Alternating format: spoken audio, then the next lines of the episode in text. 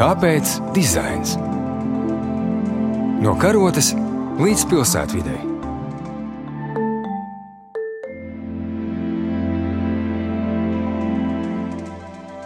Esiet sveicināti radio klausītāji. Ar jums šodien studijā Klaus Priedītis, redzējumā Kāpēc dizains?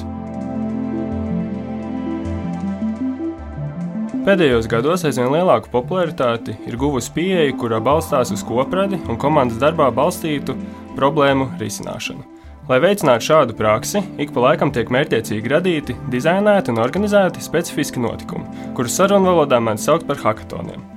Lai noskaidrotu ko vairāk par to, kā notiek šie pasākumi, esmu uz raidījumu aicinājis kādu, kurš šķiet ir pabijis hackathonos ļoti daudzās lomās, gan kā dalībnieks, gan kā organizators, eh, gan kā mentors, arī žūrijā pabijis. Pie mums studijā viesojas arhitekts un uzņēmējs Matīs Babris. Sveiciens, prieks būt šeit. Jā, es pats sāku domāt, ka kā jau vēl jauns, bet daudz kur būts un daudz kas redzēts. Un laikam tāda mana dzīves, nezinu, tur vertikāla vai horizontāla ir praktiski tas laiks, kad Latvijā sāk ienākt tā hackathona vai ideju nīcu pieeja un ir sanācis būt daudzās.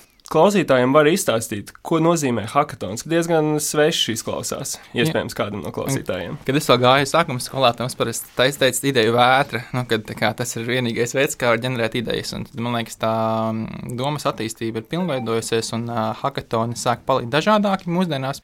Tā pamatīdeja, protams, ir radīt kaut ko labu, ātri un mazliet nu, tas, ko angļuiski sauc par disrupting, nu, kaut kādu esošu nozari vai pieeju mazliet laužam. Dažkārt ļoti laužam.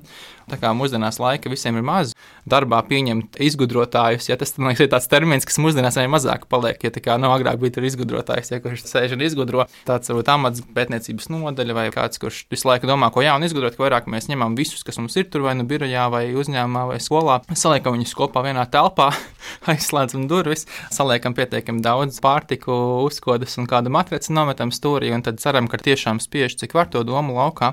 Tad mēs dabūjam pāris idejas. Un tā otra lieta, kas ir ļoti svarīga, nu, kad arī tā prezentācija vienmēr tajos hakatonos ir limitētā laikā, un viņa ir ļoti uz konkrētiem kritērijiem uzstādīta. Teiksim, kas tur ir rezultāts, konkurence, peļņa, kas ir tie mūsu galvenie vērtēšanas elementi. Tad tas ļoti ietekmē to, kādu rezultātu mēs dabūjam laukā no hakatona. Hakatoniem, kā es saprotu, ir dažādi mērķi. Un, uh, Iespējams, tie mērķi atšķirās no tā, kāds amplitūds tev ir tajā hackathonā. Dalībniekiem ir vieni mērķi, organizatoriem atkal ir citi mērķi. Varbūt tu vari pastāstīt, kādus mērķus tad dalībnieki cenšas sasniegt un ko organizatori grib no visa hackathona procesa dabūt ārā. Jā, ir tādi profesionāli hackathona dalībnieki, kuri tā kā sportā brauc no viena hackathona uz otru. Hackathon ir tāds kā sava veida sports, kuram ir dažādas disciplīnas, un daži vienkārši iet viņā tiešām ar mērķi tur kaut ko, nu, zinu, atpūsties, un tādi, kas iet, nu, tur uz uzvaru un iet lielāki hackathoni, tad vairāk arī viņus redz, tur uzliek balvu, tur nezinu, 10 tūkstošus eiro, sāk braukt arī no citām valstīm un, un piedalīties. Tad dalībnieku profils ir tie, tie, kas visos hackathonos piedalās, tie, ko izziņo, viņi vienkārši cilvēki nestrādā, viņi darbs vienkārši brauc maksimāli daudz hackathoniem, networkot un tam līdzīgi. Tam liekas, tie nozares speciālisti, kur varbūt tas dažkārt ir pirmais hackathons vai kā, bet viņi redz, kur ir BIM hackathons, viņiem tāds BIMs ir mana lieta, viņi iet uz to. Kāpēc dalībnieki brauc tajā nozares jautājumā, ka blakus ir rodas kaut kas jauns nozarē, varbūt dažkārt pārsteigums, salauž to skatu. Viņš ir vienmēr, man liekas, sākumā šoks. Un liela daļa to hackathonu ideju diezgan bieži, man liekas, sākumā nepieņem. Nu, viņas liekas tāds, wow, wow, wow Bet, nu, man liekas, tas paliek labāk. Un organizatoru kontekstā, jā, tas ir ļoti svarīgi, ka mēs strādājam ar uzņēmumiem vai universitātēm, kuras vēlas organizēt hackathonus. Pirmais jautājums ir, ko jūs no viņas sagaidat? Liekas, vienkārši vērtēšanas kritērija. Jūs neieliekat punktus radošumam, vai neteiksim, mēs pasakām, mums galvenais ir, lai ir uh, racionāls, tur pieejams risinājums, kurš ir optimizēts cenā, tur iesaliek kritērija, lai materiāli par daudz neaiziet vēl kaut kas, un tad beigās arī tās idejas, ko mēs dabūjam laukā, būs nu, tādas sagaidāmas.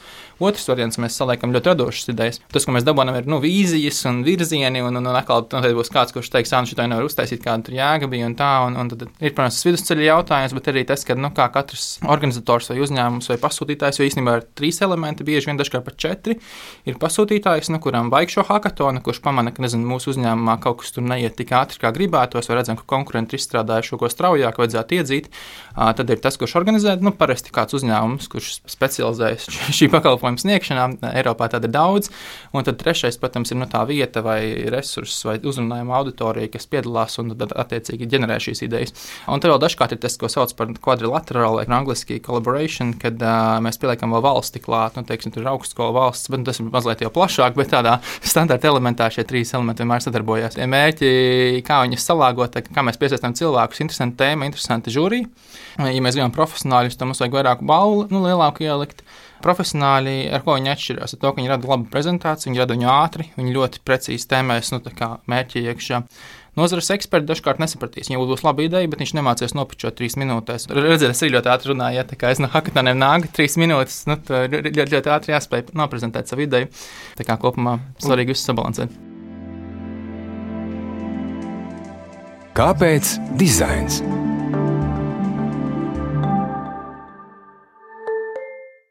Klausītāji tomēr lielākoties nonāks, ja pieteiksies kādam hackathonam, tad uh, dalībnieku lomā. Un, uh, ko dalībnieki var sagaidīt? Nu, tu jau pieskāries tam, ka tas ir ierobežots laikā, tas ir diezgan intensīvs darbs. Kas vēl ir tas, kas potenciāliem dalībniekam jāpatur prātā, mhm. kad viņš piesakās hackathonā? Jā, mans pirmais hackathons pašam bija viens, ko es gan piedalījos sākuma, tad organizēju tāds ģenerators, kas mums arhitektūras fakultātē bija. Tas ir četru stundu hackathons, kas kopumā ir viens no īsākajiem formātiem. Mums gan inovācijas un uzņēmējdarbības lekcijās universitātēs arī tagad taisa studentiem 15 minūšu hackathonu, kur viņiem 15 minūtēs ir no papīra lapas jāuzlok ideja. Bet tā kopumā man liekas, tie īsie hackathoni var būt labs tāds ieejas punkts, jo tas nenozīmē, ka tur jāguļ uz vietas un jāpārvācās uz kādu augstskolu uz 48 stundām. Un arī īsnībā tās 48 stundas, kas ir tāds nu, no garāžas 48 iegājies tāds laika periods, viņš ir diezgan ilgs. Par to, kā dalībniekam pieteikties pašlaik un ko sagaidīt, es teiktu, ka primārais, kas man liekas, sākumā vienmēr strādāja, ka būs labs ēdiens, nu, kad visi vienmēr organizatori rūpējās, lai dalībnieki ir uh, aprūpēti un viss pieejamais darbam, elektrība, lādētāji, gulta, viss ir par rokai, lai jūs varat tikai fokusēties uz šo ideāciju. Man liekas, kas ir svarīgi hackathonā, ir tā, kā, jā, tā viena spēja vienkārši radīt, kad to ieslēdz savu galvā, to radošumu slēdzi, kā mēs to saucam, un tu vienkārši esi gatavs atvērtām idejām, bet otrs ir sadarboties. Un ir ļoti maz hackathoni, kur tu strādā viens. Un, ja godīgi, tas galvenais iemesls, ko mēs, varbūt, kā hackathonu organizatori redzam, ir tiešām trenēt cilvēkiem šo spēju sadarboties. Jo ikdienā tu vari lielāko daļu darbu izdarīt viens, tas vienkārši prasa vairāk laika, un tu to izdari. Un bieži vien labāk, kā komandā, vai ne? Tur ir ļoti daudz latviešiem šie stāsti par dzelzceļa būvniecību un ko, kur neviens skatās, viens uh, rāda. Un, un nu, hackathonā tas īsti neiet krastā. Jo, ja jūs gribat 3 vai 4 vai 48 stundās radīt pārliecinošu rezultātu, tajā mirklī, ja tu esi viens, tev ir tās 4 stundas, ja teiksim, no 48, ja jūs esat divi, jums ir 8 stundas, un tad, teiksim, šajā mirklī tas, cik efektīvi jūs spējat salāgot resursus resursu un optimizēt sadarbību ir ļoti, ļoti ietekmējoši. Man liekas, tā prasme, viņa pēc tam, ja tas bijis vairākos hackathonos, viņa arī pāriet uz tādu ikdienas darbu, ka tu vairāk spēj saprast, kurā mirklī piekāpties cik ilgi varbūt strīdēties par labāko ideju un, teiksim, saprast to, nu, kā nokļūt līdz rezultātam ātrā laika periodā. Droši vien, ka komandās ir kaut kāds limitēts arī dalībnieku skaits. Cik parasti ir komandā dalībnieki? Jā, nu, tur tā grupu teorija noteikti ir spēkā, kad uh, ar katru nākamo dalībnieku palielinās tā, tā iekšējā komplicētība. Tas, ko mēs parasti sakām un redzam, ir 4 līdz 6.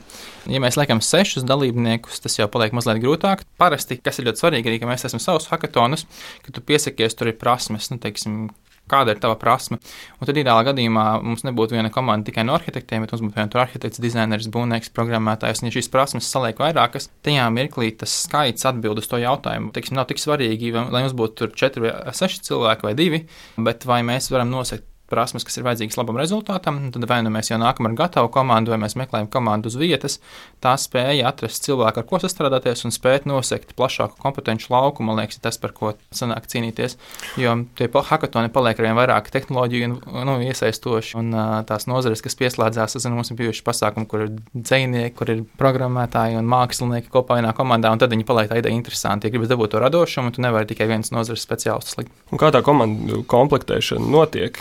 Visiem dalībniekiem komandā ir idejas, ar kuriem viņi piedalās hackathonos, vai ir viens, kā notiek tas eh, process, kur nonāk pie tās vienas idejas, pie kuras strādās komanda. Kopumā idejas, vai tas, kā mēs nokļūstam līdz idejai, ir dažādi. Ir hackathoni, kur tiešām jau nāca ar gatavu ideju. Teiksim, mums bija aizsardzības hackathons ap jauno gadu, un uh, tajā komandas varēja pieteikties ar esošu ideju un hackathonu laikā viņu uzlabot. Teiksim, viens tāds punkts, ko mēs mazāk pieskārāmies, ir mentoru loma hackathonos.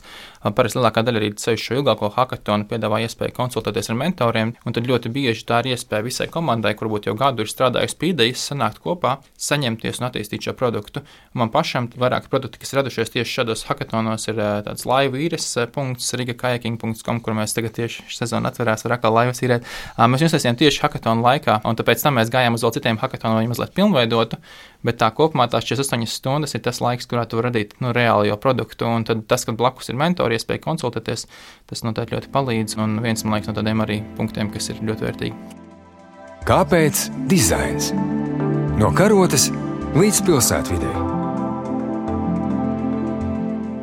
Tā kā mums raidījums ir veltīts dizainam, tad eh, man ir jāpajautā, kāda ir dizaina loma hackathonos. Eh, vai katrā komandā ir pat dizaineram? Vēlams, varbūt. Es teiktu, ka viņi ir kritiski. Nu, tādā ziņā, ka varbūt to parasti, nu, kad tur skaties tās lomas, vai ne, tur, piemēram, BIM hackathons, vai tur, nezinu, tev, tur ir uh, aizsardzības ministrijas hackathons, vai tev ir hackathons par kaut kādu pārtiku, vai ne. Un, Un lielākoties es domāju, man vajag pārtikas tehnoloģiju, man vajag, vai tur, nezinu, militāristi komandā. Bet tas, ko visi bieži vien aizmirst, ka tas, ko tu prezentē tajās trīs minūtēs, kā tu pasniedz informāciju, kas vispār ir tas, ko tu rādi, bez tādas kvalitatīvas dizaina domāšanas, tas ir ļoti, ļoti grūti. Jo tev ir ļoti plašā lokā, teiksim, tas nav retums, ka hackathonos prezentē 30 komandas, kā izcelties, kā būt pamanāmam, kā maksimāli efektīvi nodot ziņu. Tā kā dizaina loma, man liekas, pirmais pats produkts, ko tu attīsti un pilnveido, un otrs arī spēt viņu ļoti kvalitatīvi nokomunicēt. Nē, esmu bijis hackathonā, kur būtu pārāk daudz dizaineru, nu, vai kādā komandā būtu pārāk daudz. Tā kā, man liekas, tas ir tāds, ko vienmēr vajag meklēt, un noteikti, ja jums ir komanda, un jums iztrūkst kāds cilvēks, un tas ir dizainers, tad noteikti aktīvi meklējiet. Latvijā ir daudz foršu dizaineru, un, un bez dizaina ir grūti.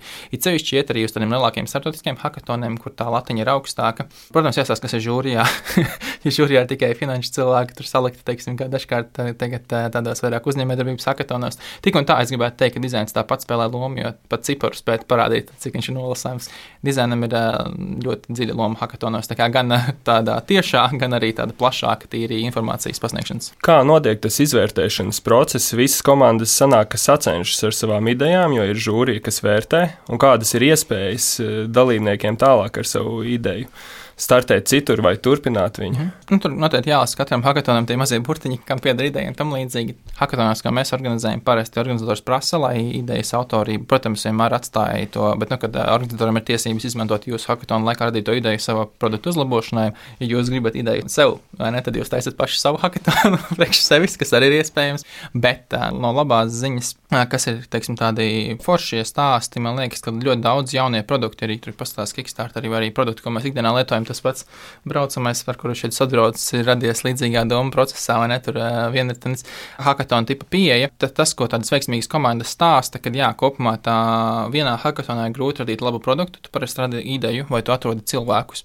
Tad ejot uz viņiem tālāk un tālāk, jums jau ir, nezinu, darbs, sieva, bērni vai skola vai vēl kaut kas, ir ļoti grūti tādā tradicionālā uzņēmuma kontekstā katru dienu pieslēgties, divas stundas strādāt pie produkta vai reizi nedēļā pat satikties un kaut kādā mirklī mirklī tā attīstība sāk stagnēt. Man liekas, tie hackathoni ir tas, kas ļauj, ka Leudovai saņemamies un laižam tālāk. Un tad ir hackathoni, un tad ir inkubatori. Teiksim, tu radi ideju hackathonā, tad tālāk uz inkubatoru. Inkubatori ir dažādi, kur ar tevi jau strādā ilgākā laika periodā.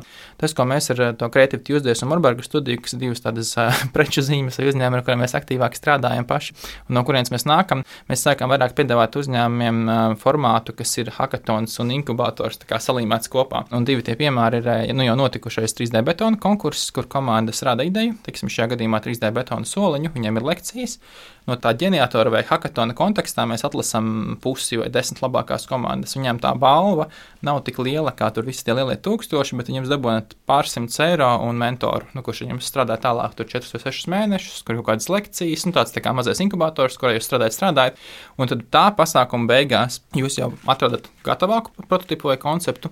Un uh, tad no tā mēs atlasām tos 1 līdz 2, 3 uzvarētājus. Jo ir grūti, ja ne kā dabūt uzvarētāju tikai no vienas dienas. Ja tu redzi komandu, kas ir strādājusi pie idejas jau 6 mēnešus, tas vien jau pasaka tikai to, ka cilvēks spēj vai komanda spēj fokusēties un neizjukt 4-6 mēnešu periodā, kas vien jau ir labs sasniegums. Un tad no tām mēs parasti atlasām 1, 2, 3, kas tad iet uz galveno balvu, un, un tad viņiem ir iespēja realizēt šo objektu dzīvē vai dabūt starta kapitālu. Un tad 3D betona kontekstā izstāsta, ka cerams, ka šajā pavasarī taps pirmais betona soliņš Latvijā.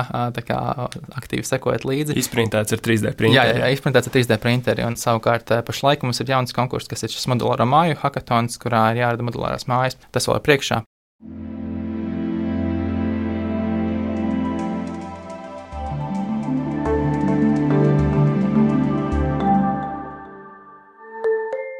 Jā, tu pieminēji to labāko hackathonu formātu, vai tavs pieminētais ir tas labākais, tavuprāt, hackathonu formāts? Nu, esot šajā nozarē desmit gadus, jau vai ne, kas varbūt ir daudz vai maz, bet man liekas, tā nozare strauji attīstās. Es teiktu, ka jā, jo kopumā šīs 48 stundas ir forši, man liekas, tie ir nu, standarts. Viņš ienāca, viņš aizgāja, nu, tā kā tentoki, vai ne, bet viņš arī kaut kādā ziņā iestagnējis. Nu, kad kopumā lielākā daļa hackathonu dalībnieku šo formātu ir pamēģinājuši, viņam ir konsekvences, vai ne, tas neizgulējies. Teiksim, viņš, protams, rada rezultātu produktu, bet uh, mēs esam pamanījuši, ka tas četru stundu formāts idejas atlasē arī ir pietiekami ilgs. Teiksim, tā starpība, protams, dabūna jau lielāku funkcionējošu elementu, var mentoriem pakonsultēties, bet izvēlkot to garumā, tā atbildēm arī laiks. Teiksim, uz četrām stundām tu vari dabūt komandu, kur nebūtu gatava uz 48 stundām. Ļoti bieži arī uzņēmēji, teiksim, tur esi hackathonu uzņēmējiem vai, teiksim, birojiem vai vēl kaut kam, mēs viņiem pasakām, nu, tas entry points vai nu, ieejas punkts, vai, ne, vai tas ir nu, 15 minūšu hackathonam, mums vēl nav bijuši klienti. Kaut arī nē, man liekas, bija. bija, bija. Mēs pašvaldībām taisījām par dabas turismu tādu nosacītu darbnīcu, un tad, jā, tur viņām mēs likām 15-30 minūšu laikā radīt uh, idejas. Tā kā tas varbūt tāds, nu, nākamais, tā kā 15 minūtes, 4 stundu hackathons, un tad uh, jau aiziet tālāk. Man šķiet, ka tā pieeja, ka tu vienmēr iedod nākamo soli pats savā pakalpojumā vai pie sava uzņēmuma, ir labāk. Jo tu vienkārši uztaisīji hackathonu, teiksim, nezinu, par uh, pudeļu pārstrādi, 48 stundām iedod uzvarējušai komandai 10 tūkstošus, paldies, projekts noslēdzies un viss. Vai? Un it kā no tāda varbūt uzņēmējdarbības viedokļa forši, bet tā no tādas ilgtspējas un, man liekas, tādas pievienotās vērtības ir forši, ka tu uztaisi to laika plānu jau tālāk uz priekšu un ka tev ir ko pateikt. Varbūt tu pat vēl nezini, vai viņš tiešām materializēs, bet teikt, ka mēs plānojam nākamo daļu tādu un pēc tās ir tas un tas. Kad viņus saliec tādā laika grafikā, tad uh, arī tam dalībniekam liekas lielāka jēga piedalīties, ka, teiksim, tu noķer arī to dalībnieku, kas ir profesionālais dalībnieks, kas nav tikai dabūt balvu un paldies, nu, kas tas hackathonu sportists, kas ir forši, vai ne, tur var teikt, olimpiskās hackathonu spēles, bet man liekas ļoti forši dabūt tiešām tos nozares ekspertus, kuriem ir tā interese pilnot nozari vai atrast kaut ko jaunu, un tas bieži vien prasa tādu dziļāku iedzināšanos problēmā, kas ir um, atkārtota, nu, ka tu katru nedēļu vai katru otro nedēļu tur ir maza nodarbība, kurā tu padarbojies, padarbojies, padarbojies, un tu beigās tas sprādziens, nu, ka viņš tāds tā kā viņa veida pieeja. Tā kā tā, mēģinam arī, kā saka, ar hackathonu formātā laust hackathonu pieeju. Mm. Runājot par gaidāmajiem hackathoniem, vai ir kāds hackathons, kas ir iespējams tuvākajā laikā, kaut kad tūlīt būs, tūlīt būs, uz kuriem varbūt klausītājs varētu paspēt pieteikties, ja viņš tā Jā. ieinteresēts un ieintriģēts šajā um, tēmā. Noteikti. Viennozīmīgi, man liekas, visās Latvijas augstskolās pašlaik notiek daudz hackathonu, kā pirmais solis, kur jums ir tuvākā geogrāfiski vai mentāli vai kā citādi var skatīties, un viņām regulāri šie jaunumi. Mēs paši tuvākais hackathons, ko organizējam ar Latvijas finieru un valsts mežiem, šī uzņēmuma, kur ir gatavi inovācijām, organizējam modulāro māju hackathonu. Pieteikšanās līdz 10. maijam, tā kā diezgan tuvu, varbūt bišķiņ pagarināsim, pats pasākums 26. maijā Jelgavā. Un šeit mums būs jāuztaisa modulāra māja četrās stundās, bet kā zīmējums vai ideja, ko mēs prezentējam. Un tad puse labāko komandu tie tālāk uz nākamo kārtu, kur tad viņas jau sāk domāt, kā šīs modulārās mājas izstrādāt. Nu, tas negluži tehnisko projektu zīmē, bet jau tur maketu uztaisa vēl kaut ko. Un tad beigās viena vai trīs labākās dabūna šo iespēju realizēt objektu dabā. To tad jau koordinē tāds meža izpētes centrs Meka un mēs Marbarga studija uzvaras kritērijs ir radošums, vai ne? Bet otrs uzvaras kritērijs ir tas limits ir 20,000, kas nozīmē, ka tā ir modulārā māja 20,000 robežās. Četrās stundās to iespējams neizdomās, bet tam ir paredzēti tie nākamie seši mēneši, kad tur ir mentori eksperti, kuri tev pasaka, ja tu gribi uzbūvēt māju ar modulāru pieeju, kas tad ir tie elementi, kur tu vari šo cenu vai optimizēt un tam līdzīgi, tāpat laikā nezaudējot to ideju, kas tev bija sākumā. Tā kā jā, tuvākais ir modulāro māju hackathons, notiek angliski, jo starptautisks, kas arī ir varbūt tāds svarīgs kritērijs, ko bieži vien jāpārbauda, liela daļa hackathonu ir starptautiski, un tad arī valoda ir angliski.